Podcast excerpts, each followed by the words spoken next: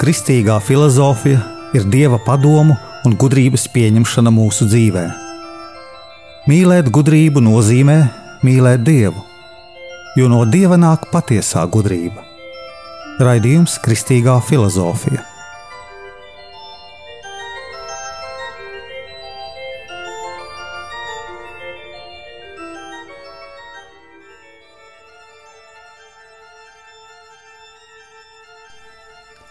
Es esmu Jānis Valtra Vitsenheims, un ar jums ir 46. raidījums Kristīgajā filozofijā.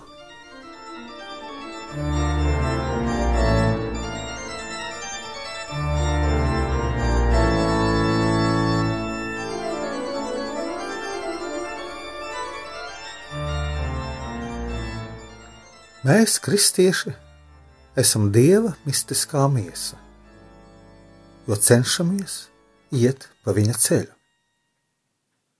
Baznīca nekad nav mirstoša, tāpat ārēji, skatoties grūtos laikos, vienmēr atzimst evanģelizācijā, sludinot Dieva vārdu.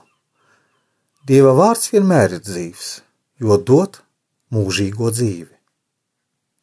Tas mums paver ceļu mūsu atzimšanai, un tātad mūsu mūžīgai dzīvei.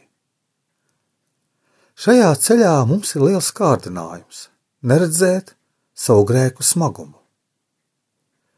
Ja mēs ejam savu ticības ceļu, reizē mūs pamet draugi, bet tas tā nav.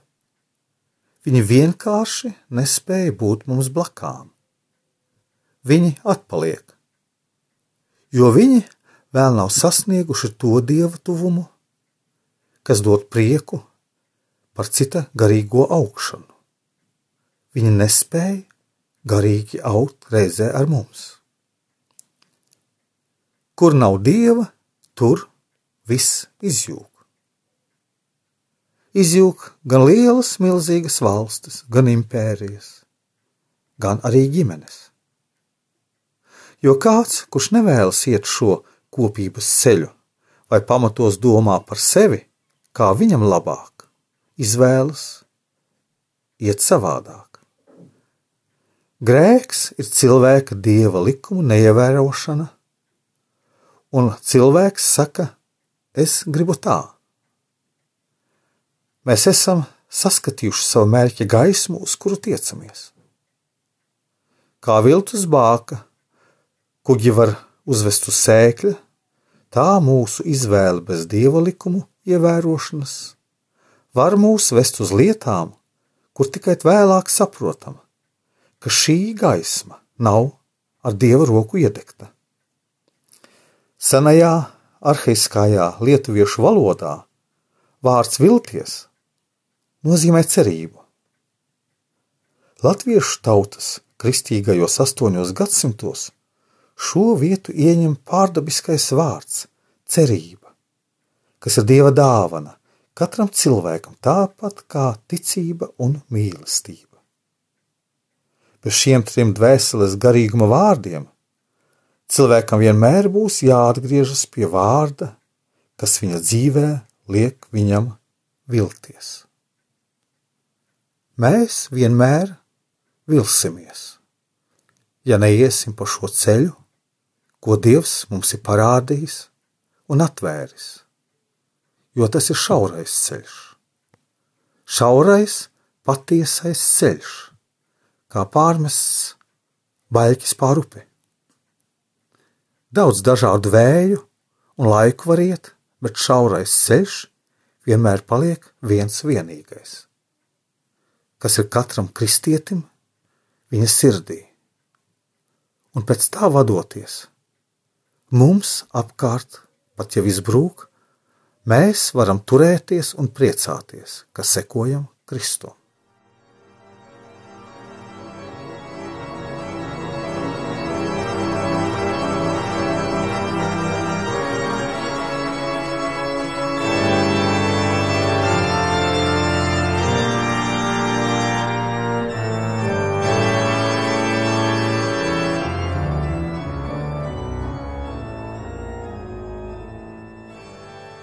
Vai mēs, kristieši, varam droši sekot jebkurai filozofijai?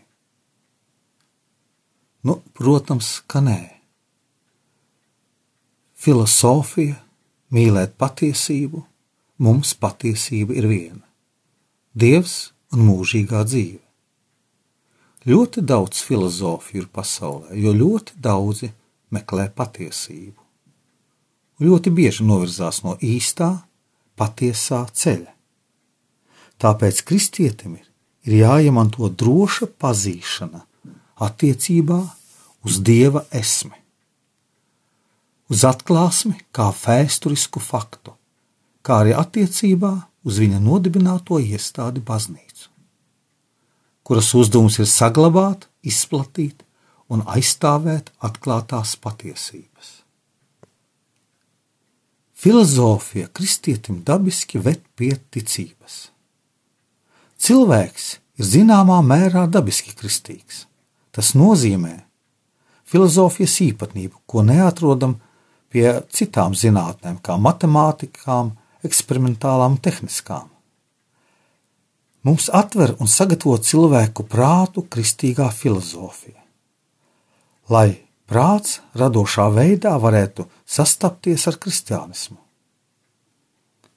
Baznīcas tēvi pamatoti uzskatīja filozofiju gan kā mācību, kas ieved un sagatavo cilvēkus kristīgai ticībai, gan kā kristietības iesākumu un atbalstītāju. Kad filozofs sāk dzīvot reāli, kā kristietis pēc Jēzus Kristus kalna mācības, svētību programmas.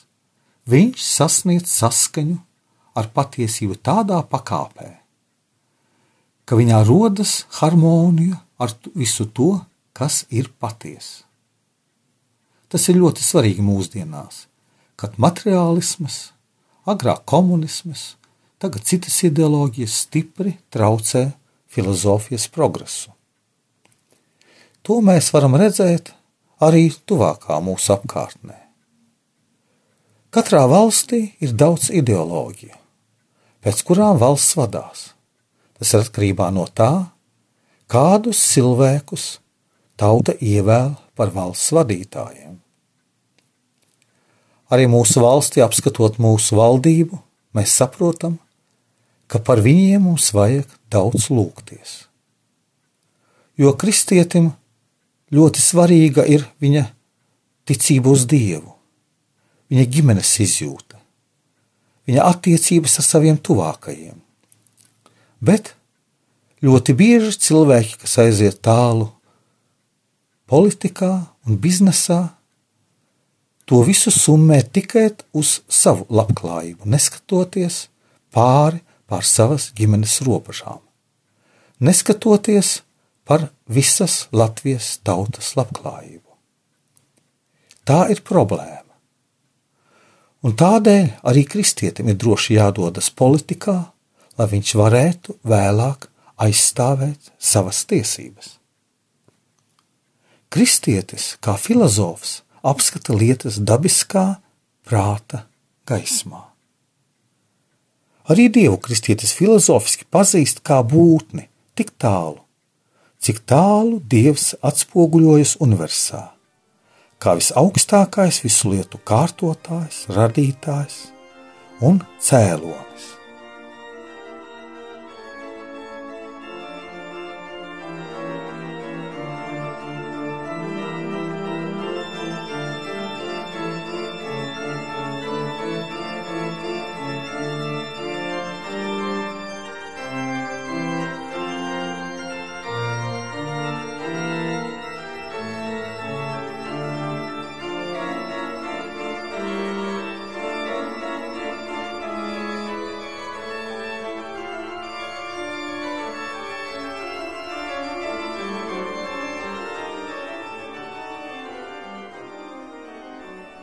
Tā ir tieši kristietība, kas filozofam rada oriģinālus un labvēlīgus apstākļus viņa darbam, atverot viņam jaunu ceļu, ceļu uz prātošanu par kristīgām lietām, ceļu uz laimi.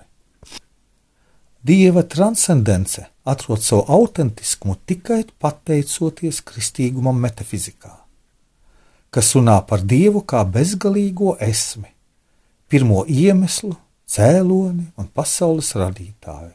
Dievs ir esme. Lietas manto esmi, saņem esmi. Lietas tātad eksistē. Dievam absolūti transcendentam un brīvam radītājam nav vajadzīga pasaule, lai viņš būtu laimīgs. Bet tie esam mēs, cilvēki, kam ir nepieciešama visaugstākā būtne, kā visaugstākais labums, lai varētu eksistēt, darboties un būt laimīgi. Filozofs ir nesaprastais un bieži vien izsmietais reālajā pasaulē. Tas tādēļ, ka lielākā daļa filozofisku prātotāju parāda savu ceļu bezcerību, to, ka filozofēšana kaut kur izsīkst. Tādēļ daudzas filozofijas ir labas ar to cilvēkiem, ka viņi piemin reinkarnāciju. Tātad viss notiek riņķī. Viss atkal atgriežas un cilvēks dzīvo. Arī mūsu Latvijā šī māņu mācība ir ļoti izplatīta, jo cilvēki meklē patiesību, bet reinkarnācijā viņi ieiet tajā ritulī un nevar iziet pāri metafizikas robežām. Filozofija arī nemaz neļauj sevi pielietot praktiskajā dzīvē un praktiskajās vajadzībās. Filozofija ir pati sev mērķis un sev arī pirmā problēma.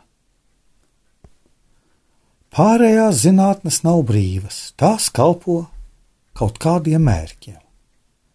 Kā fizikas nemeklē fizikas jēgu, bet gan materiālu, kā pielietot kaut vai elektrību.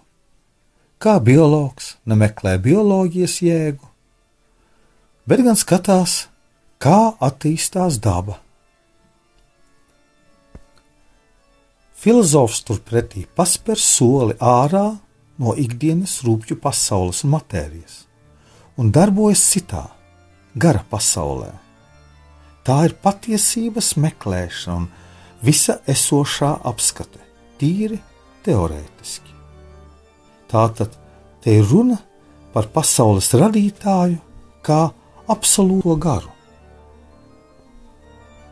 Un mūsu cilvēku gars tiecas uz šo pilnīgo absolūto.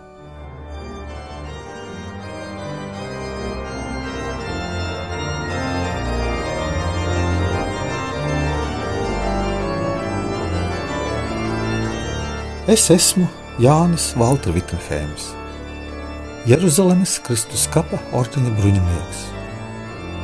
Un ar jums bija kristīgā filozofija par filozofa lomu reālo lietu pasaulē.